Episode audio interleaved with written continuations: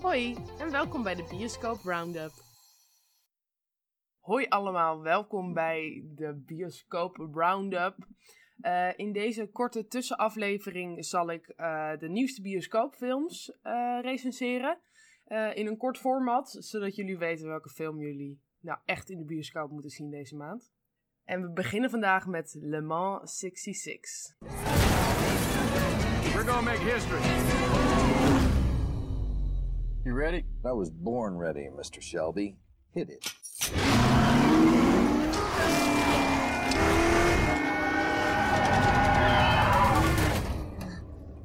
Le Mans 66, ook wel Ford v Ferrari, is de nieuwe film van regisseur James Mangold, ook wel bekend van de films Logan en Girl Interrupted. De film gaat over het waar gebeurde verhaal van Carol Shelby en Ken Miles, die samen proberen een revolutionaire raceauto te ontwerpen voor Ford, zodat zij Ferrari kunnen verslaan in de 24 uur van Le Mans in 1966. Carol Shelby wordt gespeeld door Matt Damon en Ken Miles door Christian Bale. Ook zijn onder andere John Berntal, George Lucas en Tracy Letts te zien in de film. Onderhand is helaas de film hier niet meer in IMAX te zien, maar wat was dat een ervaring. De ervaring is op die manier zo meeslepend. Buiten dat zit de film gewoon erg goed in elkaar. Zelden voelt de 2,5 uur durende film traag.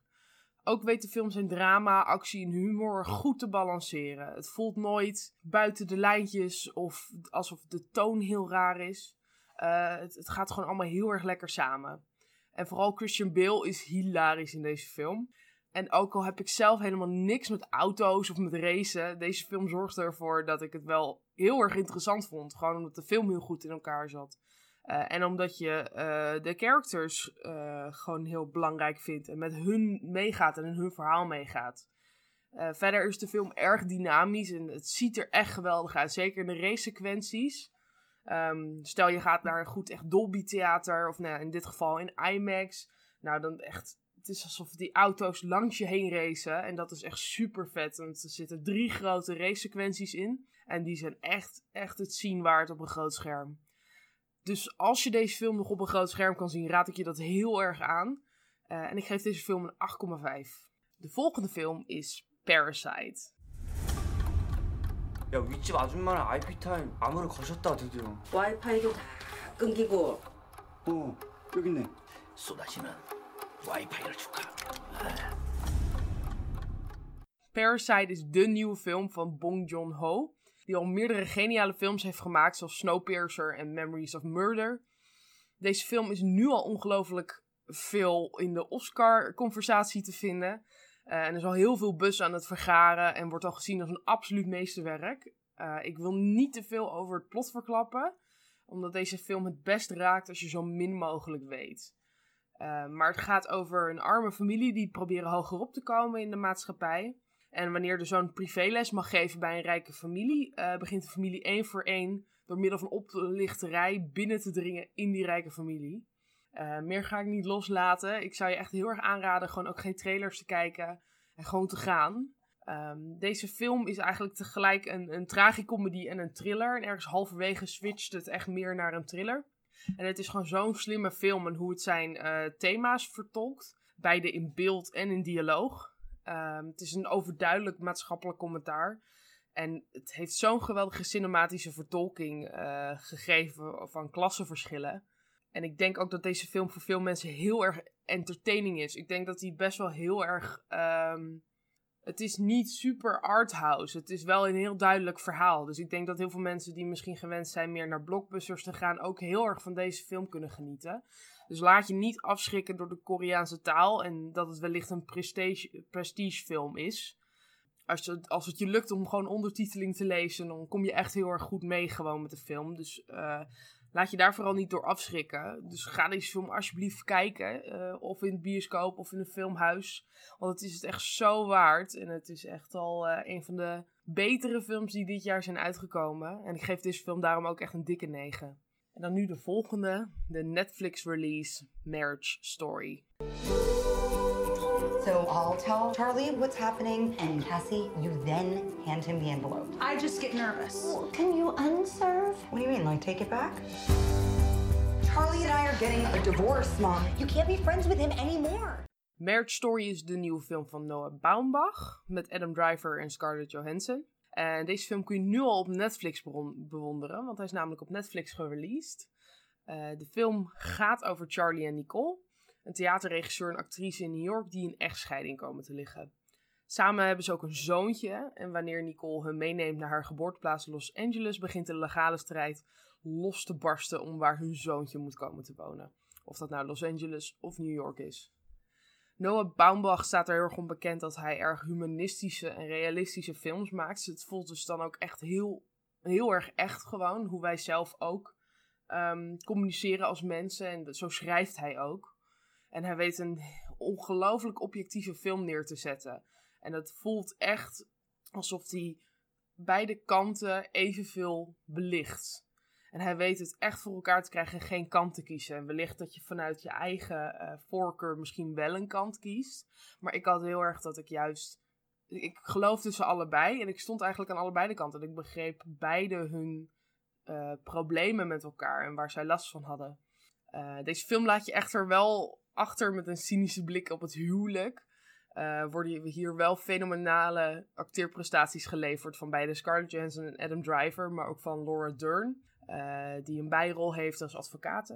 En dat is ook echt het hoogtepunt van de film, wanneer de uh, acteurs echt tegen elkaar in mogen spelen. En ik persoonlijk heb niet veel met het onderwerp. Ik ben al vrij cynisch op het vlak huwelijk. En daardoor raakte het me niet zoveel. Um, dus ik voelde me niet zozeer zo emotioneel erin meegenomen. Maar ik denk dat dat voor veel andere mensen anders zal zijn. En dat het een hele subjectieve ervaring is. En misschien met een tweede kijk op de film. Dat het misschien ook nog wel anders kan zijn. Want deze film is wel ongelooflijk goed gemaakt. En zit heel goed in elkaar. En ik kan hem iedereen aanraden om deze op Netflix te kijken. Ik denk dat bijna iedereen wel Netflix heeft. Dus die kan je gewoon lekker thuis op de bank kijken. En ik geef deze film daarom uh, toch een 8. Nou gaan we door naar de allernieuwste Disney. En dat is Frozen 2. Be careful. have always feared Elsa's powers were too much for this world. Now we must hope.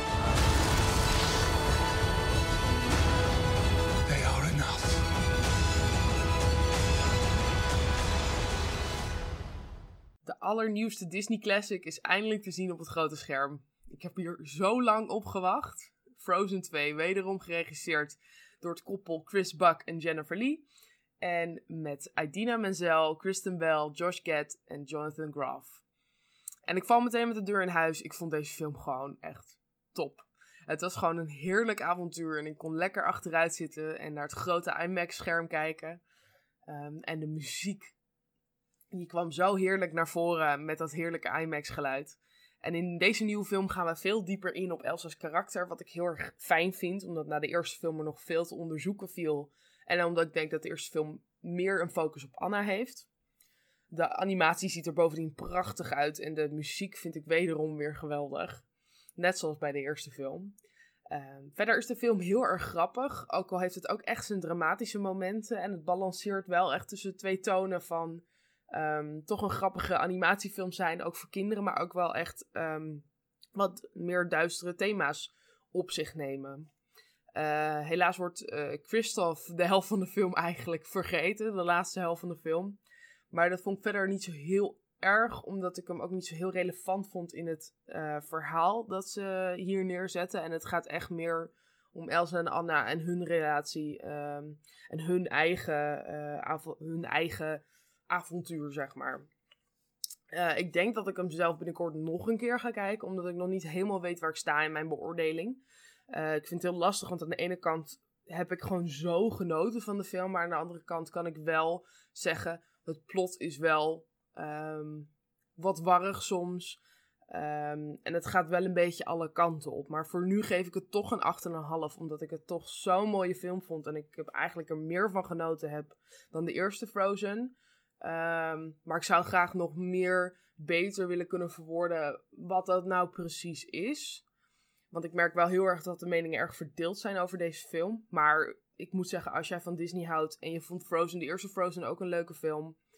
Ja, dan kan het denk ik bijna niet echt teleurstellen. Als je er gewoon neutraal ingaat, dan heb je in ieder geval een leuke avond bij de, bij de bioscoop. En de volgende film die ik ga recenseren is Knives Out.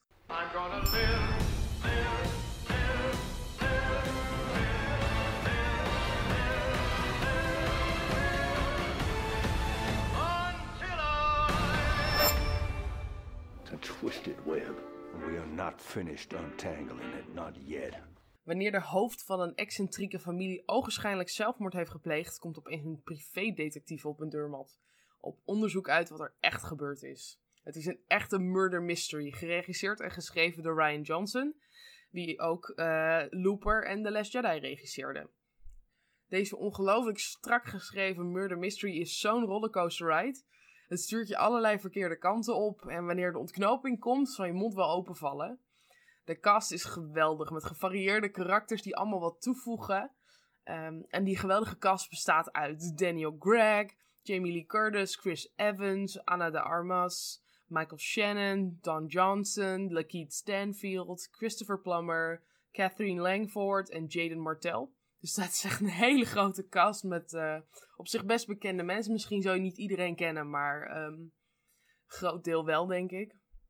En het acteerwerk is dan ook echt wel geweldig. En ze vormen als familie zo'n leuke dynamiek uh, samen. En de film is daardoor ook heel erg grappig, maar ook een en al mysterie. Dus het is een hele leuke combi samen. En zeker Daniel Gregg is heel erg grappig, omdat hij een heel erg um, ja, bijna geanimeerd karakter speelt. Een beetje overdreven eigenlijk. Um, en verder moet ik wel zeggen dat hij halvertegen wat vertraagt, omdat um, dan moet alles een beetje in zijn plek gezet worden voor de ontknoping. Dus dan zijn we eventjes niet zo heel erg bezig met, ja, wie heeft het nou gedaan? Maar verder is het wel echt een aanrader voor een leuke avond in de bioscoop. Dus ik geef het uh, daarom een 8. En de laatste film die ik ga recenseren vandaag is Zombieland Double Tap. Welcome to Zombieland. Life is about more than just survival.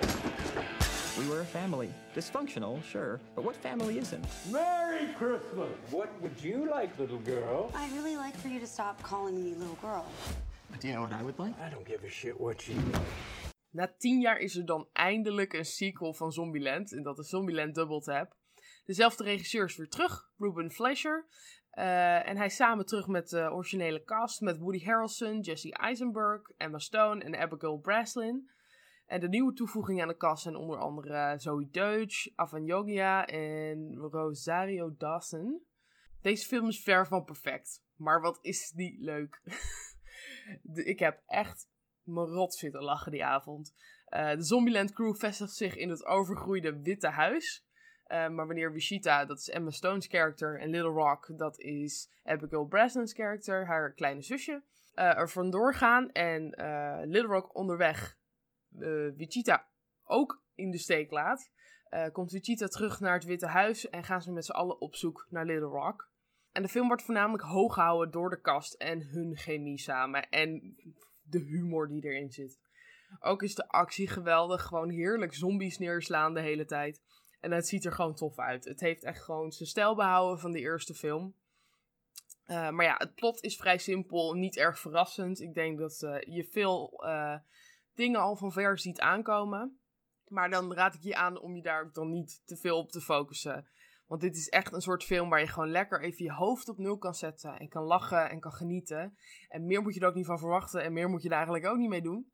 Dus als jij de eerste Zombieland film ook gewoon een hele leuke film vond, dan zou ik hem echt wel aanraden om gewoon te gaan kijken. Gewoon omdat hij leuk is. En zeker later als hij een keer op streaming terechtkomt, dan zou ik hem zeker een keertje aanzetten. Um, en daarom geef ik de film een 7,5.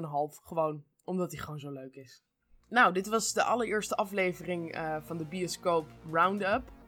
Uh, in dit geval ook een paar uh, streaming film erbij. Dat komt natuurlijk steeds meer dat er films op streaming komen. Hopelijk kan ik voor het eind van het jaar The Irishman van Martin Scorsese ook nog recenseren.